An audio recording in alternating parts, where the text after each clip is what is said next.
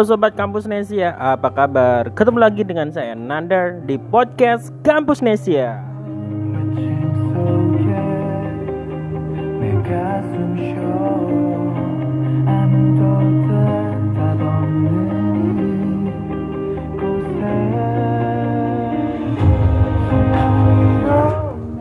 Oke, kali ini kita ditemani dengan original soundtracknya The King Eternal Monarch Drama Korea tentang time travel yang tayang satu tahun yang lalu 2020 Dibintangi sama Lee Min Ho dan Go Eun Tak Ini judulnya Graffiti dinyanyikan oleh Kim Jong Wan Oke teman-teman, tapi hari ini kita nggak akan bahas tentang The King Eternal Monarch ya karena ini udah tahun 2021 dan kita udah pernah membahasnya. Teman-teman yang mau dengerin ulang tentang pembahasan kita konsep time travel kemudian multiple universe dan time paradox bisa cari di Spotify di Kampus Nesia Podcast atau versi artikelnya ada di campusnesia.co.id cari aja dengan kata kunci The King Eternal Monarch. Kupas tuntas. Nah, hari ini kita akan membahas sebuah drama yang saat podcast ini dibikin, direkam masih ongoing, baru tayang sejumlah dua episode yaitu drama Korea yang dibintangi oleh Lee Seung Gi yang kita kenal sebagai pemeran di drama Korea Vagabond tahun 2019 lalu sama Bae Susi ya. Nah, tahun 2021 ini Lee Seung Gi uh, main drama baru berjudul Mouse yang sejak episode pertama itu udah dikasih rating 19 plus karena temanya yang bukan dewasa dari sisi seksis ya, tapi dewasa uh, dalam konteks uh, penuh adegan kekerasan dan pembunuhan karena temanya tentang uh, psikopat dan pembunuh berantai gitu ceritanya. Nah, tapi seperti di episode podcast yang lalu yang kita bahas tentang drama Sisyphus the Myth, kita juga kali ini nggak akan bahas tentang detail uh, alur cerita atau spoiler per episodenya ya, tapi kita akan lebih coba pakai sudut pandang telah ilmiah. ya sebelumnya terima kasih buat teman-teman yang kemarin udah baca teori kita pembahasan tentang teori teleportasi kuantum dalam drama Sisyphus the Myth. Jadi kita ngulik ya. Jadi secara teori uh, ilmu fisika itu memang ternyata teleportasi pada level subatomik atau kuantum itu memang bisa dilakukan gitu ya. Nah, kali ini yang kita coba akan pakai pendekatan yang sama untuk membahas science fiction di drama Korea Mouse. Sebagai gambaran teman-teman sinopsis singkatnya, Mos ini akan bercerita tentang kucing-kucingan bagaimana tim polisi memburu seorang pembunuh berantai yang memiliki sifat atau karakter psikopat atau asosial. Nah, mereka uh, di sini itu mem memberikan bumbu ilmiah tentang uh, hipotesis mereka di dalam drama ini menyebutkan bahwa uh, eh, DNA kekerasan pembawa sifat agresif dan kekerasan atau kalau dalam drama ini disebut dengan sifat psikopat itu bisa diturunkan karena uh, karena faktor gen gitu. Jadi uh, seseorang yang memiliki memiliki memiliki sikap agresif dan cenderung psikopat gen yang menyebabkan uh, sifat tersebut itu bisa diturunkan ke ke generasi berikutnya atau ke anaknya dan itu yang menjadi menjadi premis di drama ini. Jadi sedikit sedikit sinopsisnya di sini itu diceritakan uh, seorang dokter bedah bernama Lee Soo Jun.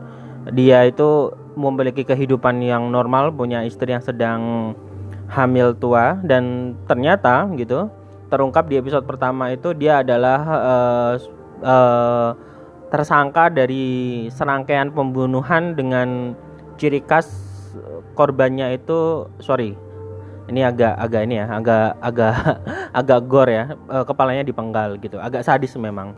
Nah ternyata di balik di balik sikapnya yang kalem dan terlihat baik-baik saja kehidupan yang uh, nyaris normal ternyata di sisi yang lain dia memiliki karakteristik yang sadis. Dan korbannya itu nyaris 20 gitu.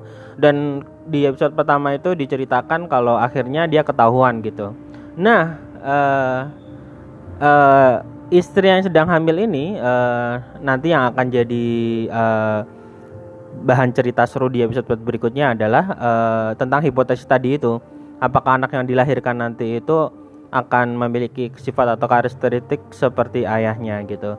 Dan di situ juga dimunculkan sebuah kontroversi. Uh, ada sebuah karakter seorang peneliti bernama Dr. Lee yang yang dia itu dalam penelitiannya itu terhadap uh, para pelaku kekerasan dan psikopat yang melakukan pembunuhan. Ketika diteliti pada level DNA atau gen itu ada sebuah gen yang disebut dengan sebentar saya lupa namanya AOMO kode kode gennya itu yang yang disebut-sebut sebagai gen pembawa sifat agresif dan kekerasan gitu. Nah, dari dari beberapa contoh kasus uh, yang disebutkan kas, uh, pelaku kekerasan dan pembunuhan berantai ketika diteliti pada pada level DNA mereka itu memiliki kesamaan ya, mempunyai gen yang sama gitu. Nah dengan begitu uh, dalam drama ini disebutkan hipotesis kalau kemudian dramanya eh sorry uh, uh, di, sudah diketahui gen penyebab seseorang itu agresif dan bisa menjadi psikopat itu udah diketahui uh, kode gennya. Ketika bisa dideteksi lebih dini pada pada pada proses pertumbuhan ketika masih di dalam kandungan atau masih berupa janin maka harusnya bisa diantisipasi uh, misalkan dengan cara sorry diaborsi atau digugurkan. Itu itu ini ya itu kontroversi yang dihadirkan dalam drama ini. Jadi, jadi ya kita kembali ke ke ke apa namanya cerita bahwa drama ini tentu fiksi gitu. Jadi teman-teman jangan anggap serius tapi tapi ini cukup menarik untuk kita jadikan bahan kajian gitu. Lalu kemudian di drama itu diceritakan uh, kontroversi itu akhirnya ide untuk deteksi dini pada janin dengan gen pembawa sifat agresif atau kekerasan itu dibawa ke parlemen uh, karena kan untuk melakukan me, apa untuk me, menciptakan atau membuat sebuah peraturan itu kan harus melewat melalui uh, proses pembuatan undang-undang. Sama kayak di negara kita gitu ya ketika ada kajian il apa sebelum membuat undang-undang itu harus ada kajian ilmiahnya. Nah ini kajian ilmiahnya udah ada kemudian mereka membawa ke gedung DPR tapi setelah melalui perdebatan yang ketat, akhirnya undang-undang itu tidak disahkan. Karena mayoritas menolak dengan alasan uh, tidak etis atau alasan etika, kemudian hak asasi bahwa semua orang juga berhak untuk hidup. Terlepas dia itu dari keturunan orang yang mungkin punya gen kekerasan. Dan tentu saja kalau kita lihat dari sudut pandang norma agama di masyarakat tentu itu uh, nggak nggak inilah ya nggak nggak apa nggak manusiawi gitu maka diceritakan di drama ini kalau undang-undang itu akhirnya nggak jadi disahkan gitu. Itu itu premisnya teman-teman. Tapi yang coba kita kita coba apa namanya coba telah kita bahas ya kira-kira hal-hal yang dilakukan dalam drama ini tuh kalau dari sisi pendekatan ilmu pengetahuan atau ilmiah di kehidupan nyata itu mungkin gak sih gitu. Jadi ini menarik ya uh, apa namanya uh, sebagai disclaimer seperti di artikel dan podcast sebelumnya saya tidak berlatar belakang dari dunia yang sains banget ya gitu. Cuman saya suka aja ngulik kalau kalau ada sesuatu yang membuat penasaran. Bahkan itu mungkin triggernya itu dari sesuatu yang fiksi seperti drama. Jadi ya ini ini ini aja apa namanya? Ya semangatnya belajar aja gitu. Jadi kalau nanti misalkan ketika saya membahas tentang teori kali ini uh, terdapat kesalahan atau kekurangan atau misinformasi yang fatal, saya harap pendengar atau pembaca artikel di campusindonesia.co.id berkenan untuk memberikan informasi yang benar, meluruskan. Jadi biar pembaca yang lain itu nanti tidak disinformasi atau misleading terhadap uh, apa yang saya ungkapkan gitu. Nah teman-teman uh, setidaknya saya ingin membahas tentang tiga hal di podcast kali ini. Yang pertama uh, yaitu apakah benar DNA psikopat itu bisa diturunkan? Kemudian yang kedua tentang apakah deteksi dini pada janin dengan gen psikopat bisa dilakukan seperti dalam drama Mouse. Kemudian yang ketiga, jika gen pembawa sifat negatif bisa dieliminir gitu, bisa dihapus, uh, mungkinkah tercipta masyarakat yang isinya orang baik semua? Jadi kira-kira bisa nggak tercipta masyarakat yang akan baik-baik saja kalau apa masyarakat itu lahir dengan gen yang semuanya tidak mengandung gen uh, gen pembawa sifat negatif atau agresif. Nah teman-teman uh, kita akan coba jawab bersatu-satu dari satu persatu dari tiga pertanyaan besar tadi. Nah kita mulai dari yang pertama nih, apakah benar gen psikopat bisa diturunkan? Nah sebelum saya menjawab tentang pertanyaan ini, terlebih dahulu mari kita berkenalan dengan sebuah cabang ilmu yang namanya gen, gen, genomika yaitu cabang biologi yang mempelajari genom dari suatu organisme atau virus, termasuk yang dikaji adalah struktur, organisasi, serta fungsinya. Objek kajiannya adalah DNA secara keseluruhan, DNA nuklear, inti, cpDNA, dan mtDNA maupun sebagian gen. RNA sebagai bahan genetik atau DNA yang dibuat berdasarkan RNA juga menjadi objek kajian genomika. Ya intinya ini ada sebuah cabang ilmu yang memang khusus untuk mempelajari tentang uh, struktur organisasi serta fungsi dari DNA ya. Ini saya kutip dari Wikipedia. Jadi teman-teman kalau mau cari dan bahas lebih lanjut nanti bisa cari sendiri. Nah, teman-teman, uh, pemetaan itu bisa deteksi itu bisa dilakukan ketika kita udah tahu kan apa yang kita deteksi gitu. Jadi kita tahu uh, ini HP ini ini apa namanya komputer ini MOS itu ya karena sebelumnya itu sudah ada datanya gitu. Maka sebelum kita kita masuk tentang uh, teori uh, deteksi ya uh, untuk untuk tahu bahwa DNA itu bisa diturunkan apa enggak kan harus harus didetek bisa kita harus menjawab pertanyaan apakah uh, apa, apakah DNA itu bisa di bisa gimana caranya bisa dideteksi gitu. Nah caranya uh, hari ini itu level level ilmu pengetahuan di cabang ilmu biologi genomika itu sudah sampai pada yang namanya genome sequencing. Jadi pengurutan genom secara lengkap dari suatu organisme mulai dari pengurutan semua kromosom organisme serta DNA yang terkandung dalam mitokondria dan juga dan juga uh, uh, apa ke ke unsur-unsur penyusunnya gitu. Jadi uh, memang sudah sampai sudah sampai itu gitu. Uh, sequencing atau pemetaan pada level DNA itu udah bisa dilakukan. Jadi pertanyaannya uh, apakah DNA itu bisa diturunkan? Jawabannya adalah bisa gitu.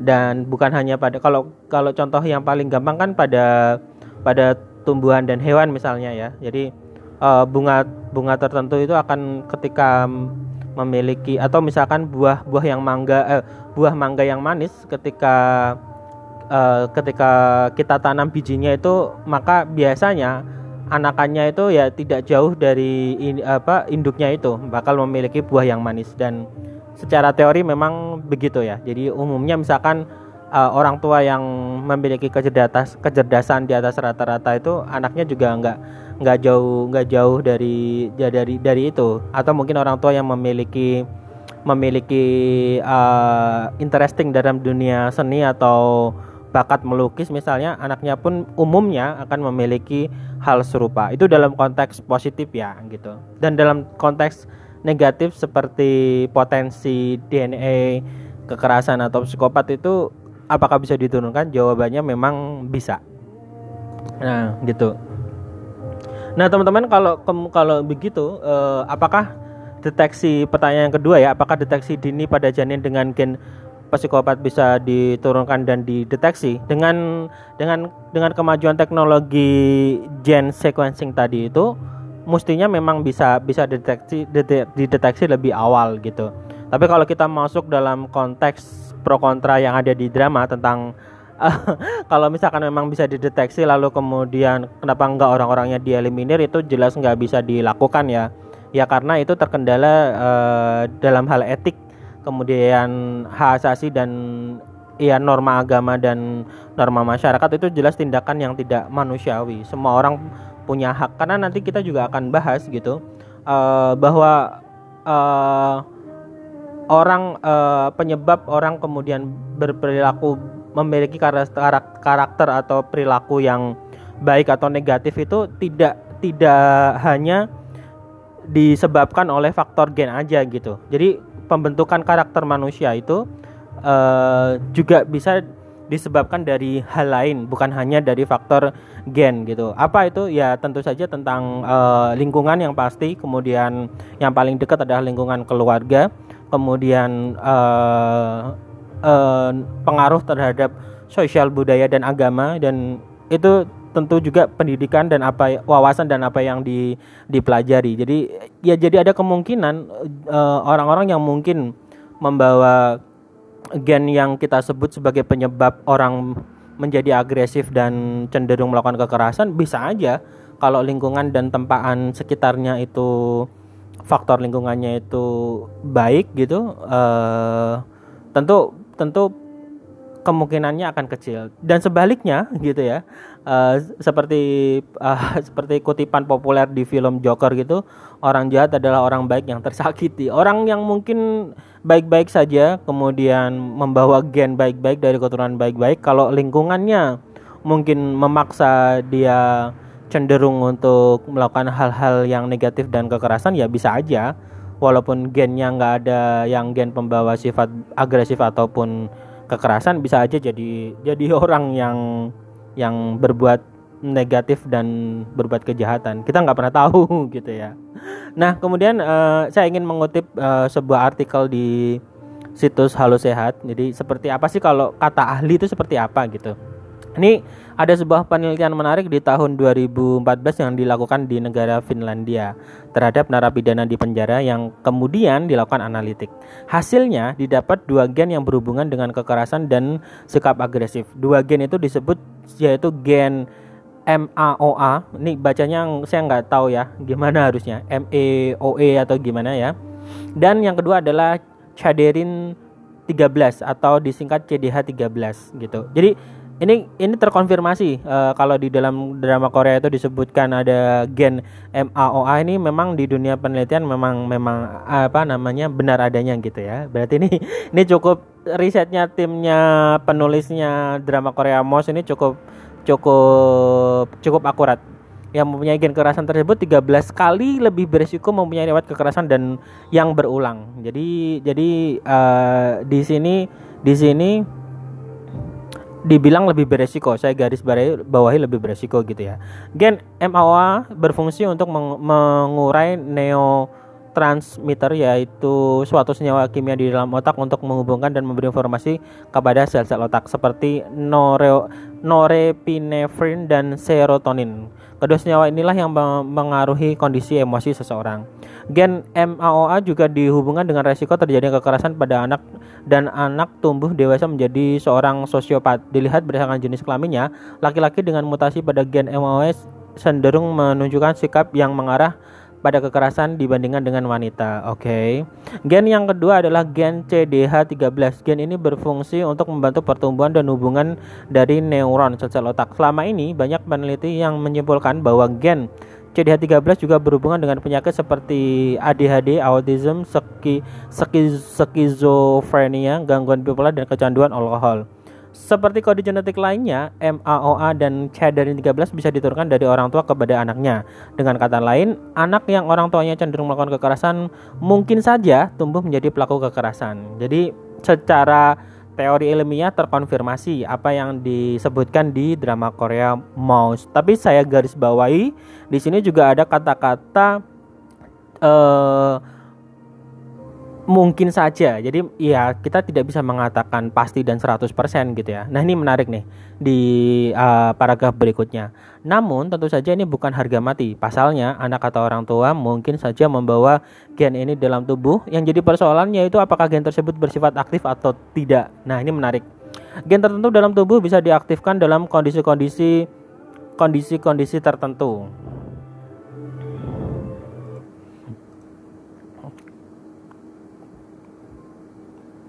Uh, sorry kita kita agak keputus sebentar tadi. Uh, jadi uh, uh, untuk mengaktifkan gen-gen tadi itu butuh kondisi-kondisi tertentu.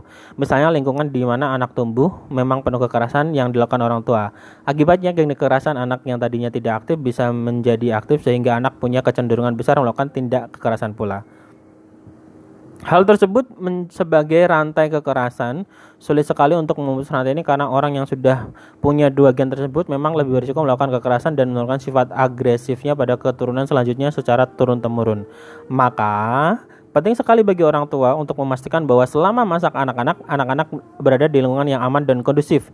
Caranya bisa dimulai dari diri Anda sendiri, misalnya dengan tidak melakukan ke meng, tidak menggunakan kekerasan sebagai metode untuk menanamkan kedisiplinan. Nah, ini ini ini terkonfirmasi berarti ya bahwa uh, sekalipun uh, orang itu memiliki ben, gen bawaan yang bisa menyebabkan sifat agresif dan uh, kekerasan, tapi kalau kalau lingkungannya itu uh, baik dan ditumbuh dengan bimbingan orang tua yang dan lingkungan yang positif maka ya kemungkinan kecil akan terjadi. Jadi teman-teman jangan kemudian langsung uh, berkesimpulan seperti itu ya. Nah kita masuk ke pertanyaan yang ketiga nih.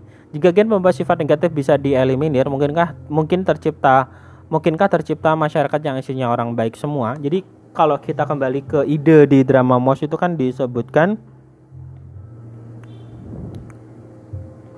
disebutkan bahwa undang-undangnya itu nanti ketika uh, janin atau bayi yang masih dalam kandungan itu terdeteksi memiliki gen pembawa sifat agresif dan negatif maka harus digugurkan atau diaborsi. Nah pertanyaannya teman-teman kalau misalkan kita kita ini berandai-andai aja nih ya seperti seperti yang disebutkan di drama Korea Mouse gitu ya. Kalau misalkan nih semua anak dengan potensi pembawa gen kekerasan itu dieliminir berarti kan yang boleh lahir itu cuman yang yang tidak membawa gen kekerasan atau bisa kita bilang kemungkinannya itu orang baik semua. Ketika yang lahir itu orang baik semua, apakah kemudian masyarakatnya akan baik-baik saja? Jawabannya tentu ten, menurut saya pribadi dan hasil baca-baca artikel di internet menurut saya enggak jaminan gitu karena dalam setiap populasi itu pasti uh, ada selalu ada kecenderungan uh, satu atau sekian persen dari populasi itu menjadi dominan. Sekalipun di situ bahasanya kita adalah orang-orang baik semua gitu ya. Pasti ada aja gitu yang bakal jadi super superioritas. Karena kema, uh, kecenderungan manusia itu ketika ketika dia tahu makin banyak dan dan bisa dan bisa menguasai sesuatu maka dia akan cenderung untuk uh, berupaya untuk mengontrol. Nah, dimulai dari keinginan untuk mengontrol itu ya akhirnya mungkin akan terjadi penyeragaman dan ya sama aja dong kalau kayak gitu ya. Jadi maksud saya akan terjadi masyarakat yang monoton, yang seragam dan potensi untuk untuk apa terjadi kekerasan penggunaan kekerasan maupun uh, uh, penindasan pada hak-hak tertentu ya mungkin tetap akan terjadi gitu. Jadi itu itu itu bukan bukan hal yang jaminan dan bukan hal yang mustahil hal negatif tetap tetap akan bisa terjadi di lingkungan masyarakat yang semuanya baik. Kalau secara teori dalam teori teori termodinamika atau kita kenal dengan entropi yang kita kita sempat diperkenalkan di film Tenet itu ya. Ada yang namanya derajat ada namanya derajat chaos gitu. Jadi dalam setiap populasi itu arahnya itu memang ya pada chaotic gitu. Apalagi kalau kalau kalau unsur penyusun dalam sebuah komunitas entitas itu seragam. Jadi peluang itu um, justru akan makin besar gitu ya Nah, yang menarik sebenarnya teman-teman, justru kalau kita ngomong tentang terciptanya masyarakat yang baik gitu, uh, mungkin akan lebih lebih bagus kalau komponen penyusun dalam sebuah komunitas atau entitas itu beragam atau ya satu sama lain itu nggak sama dan memiliki kelebihan dan kekurangan. Jadi yang terjadi adalah bukan penyeragaman, tapi bagaimana uh, proses kehidupan yang saling melengkapi. Jadi Ya karena ini juga kan kalau bahasanya itu memang bawaan dari alam atau bahasa bahasa umumnya sunatullahnya itu ya kehidupan kita itu diciptakan dengan keberagaman gitu ya. Jadi kalau dalam konteks seorang muslim dan agama Islam gitu Allah Subhanahu wa taala menciptakan makhluknya itu uh, diciptakannya berbeda walaupun satu jenis manusia misalkan sesama laki-laki dan sesama perempuan saja itu antara satu dengan yang lain itu diciptakan nggak ada yang sama 100% pasti ada perbedaan. Bukan karena yang menciptakan tidak mampu gitu ya tapi justru ini kelebihan gitu ya. Kalau bukan Tuhan yang nggak bisa menciptakan begitu banyak varian dalam satu jenis uh, kehidupan dengan sangat beragam. Dan tujuannya tidak lain yaitu untuk menjaga keseimbangan agar saling melengkapi dan saling membutuhkan gitu ya. Ini berbeda kalau kita ngomongin tentang produksi manusia gitu ya. Dari dari pabrik misalnya maka yang terjadi adalah satu produk dengan spesifikasi yang sama monoton gitu. Nah teman-teman ini ada yang menarik ya. Uh, saya menemukan sebuah berita yang hubungannya itu uh, dalam konteks tadi itu eliminir misalkan teori eliminir itu kan itu masuknya itu ke teori gen editing dan sebenarnya kalau secara teori gen editing itu memang bisa dilakukan gitu dan hari ini uh, ilmu pengetahuan pengetahuan itu sudah sampai ke situ. Contoh dalam konteks yang paling sederhana uh, gen editing atau yang disebut dengan clusters regularly interspecies short palindromic repeat atau CRISPR. Sorry kalau bacanya salah ya. Teman-teman bisa cari referensi di internet juga. Itu memang bisa dilakukan gitu. Nah, uh, kalau dalam hal sederhana sebenarnya gen editing itu sudah dilakukan dalam dalam hal tanaman misalkan ya. Jadi misalkan hari ini kan kita kenal dengan varietas beberapa produk tanaman seperti padi yang apa bisa panen lebih cepat, kemudian hasilnya lebih banyak, lebih tahan pada hama, kemudian semangka tanpa biji, buah pepaya yang ukurannya lebih gede, lebih manis atau bunga anggrek yang uh, warna bunganya itu lebih beragam itu uh, bagian dari dari uh, praktik sederhana dari gen editing atau pemuliaan uh, pada pada tanaman gitu. Nah ide itu juga dibawa untuk uh, ke level uh, gen editing pada manusia.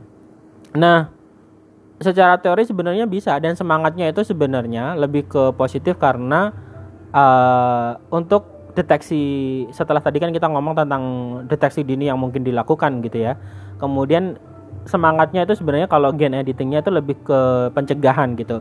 Jadi beberapa penyakit yang selama ini jadi subjek penelitian itu seperti demensia, terus uh, apa namanya? Um, Alzheimer gitu ya. Itu itu kan diketahui bahwa ada satu gen penyebabnya. Ketika itu bisa dideteksi lebih dini dan bisa diantisipasi maka maka uh, mungkin penyakit itu akan bisa diobat diobati gitu ya dan itu semangatnya pada pada teori gen editing nah ada juga nih yang yang memberikan hipotesis gitu ya ya kalau misalkan bisa dilakukan gen editing untuk untuk hal yang sifatnya sifatnya apa uh, penyembuhan gitu atau pencegahan terhadap suatu penyakit berarti mungkin dong dilakukan gen editing untuk menciptakan manusia super. Jadi jadi misalkan uh, dalam konteks bukan pengurangan ya, tapi penambahan gen-gen tertentu pada pada manusia misalkan sebelum lahir gitu. oh, ini horor sih. Jadi jadi misalkan uh, manusia sebelum dilahirkan itu dalam proses pembuahannya ditambahkan gen dari orang yang membawa sifat kuat dari sisi fisik, kemudian cerdas dari sisi intelijensia, kemudian uh, apa dermawan atau iya sifat baik seperti pengasih dan penyayang gitu.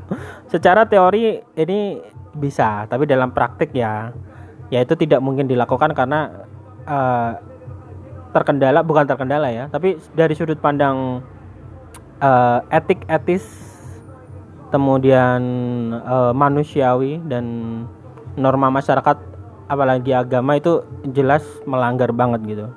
Dan ini kejadian, saya menemukan sebuah berita di tahun 2018 itu seorang ilmuwan dari Cina akhirnya dipenjara tiga tahun karena melakukan uh, gen editing pada bayi kembar. Jadi dia itu beralasan bayi kembar ini itu di gennya dimodifikasi agar bisa lebih tahan terhadap virus HIV gitu. Tapi akhirnya ketahuan dan itu ditentang oleh mayoritas masyarakat ilmuwan dunia termasuk juga pemerintah China yang selama ini getol mendorong tentang berbagai penelitian di bidang uh, sains gitu termasuk uh, dalam hal biologi dan DNA gitu. Tapi tetap aja ini ditentang dan ini melanggar undang-undang mereka. Akhirnya uh, pelakunya ini dihukum dengan tiga tahun penjara dan denda 3 juta yuan atau sekitar 430 ribu US dollar dan uh, kabarnya juga uh, pelakunya ini tidak boleh lagi berhubungan dengan dunia penelitian gitu. Wah ini ya ini emang emang agak nekat ya karena dia dia itu ternyata setelah di ditelusuri lebih lanjut memang tujuannya itu ya untuk kepentingan pribadi dan uh, popularitas. Jadi jelas ini salah lah gitu. Nah teman-teman uh, itu tadi ya uh, pembahasan kita tentang uh, kemungkinan deteksi dini calon psikopat lewat DNA seperti apa yang di di digambarkan dalam drama Mouse. Jadi memang secara telah ilmiah itu kesimpulannya mungkin untuk dilakukan, tapi ya dengan beberapa catatan tadi itu. Jadi nggak nggak sepenuhnya gitu juga kali gitu ya. Tapi kembali lagi ini drama kan cuman science fiction, jadi jangan terlalu dianggap serius. Pesan saya buat teman-teman juga yang mungkin nggak terlalu tahan dengan tema drama yang thriller dan berbau tentang kekerasan dan sadistik gitu nggak perlu nonton juga ya. Ya daripada nanti trauma gitu. Dan yang uh, menarik ya uh, sudut pandang yang coba kita lakukan. Jadi ternyata bahkan dari hal yang sifatnya itu entertain atau science fiction ternyata bisa menyebabkan uh, bisa bukan menyebabkan ya tapi uh, tapi membuat kita untuk ingin belajar lebih tentang ilmu pengetahuan. Ini bisa jadi jalan masuk. Jadi selama ini kan kita itu uh, pendidikan ala Indonesia itu kita didorong untuk tahu segalanya dan sekedar dicekokin aja gitu. Jadi kadang juga kita mempelajari sesuatu itu bukan karena tertarik atau butuh, tapi karena terpaksa aja.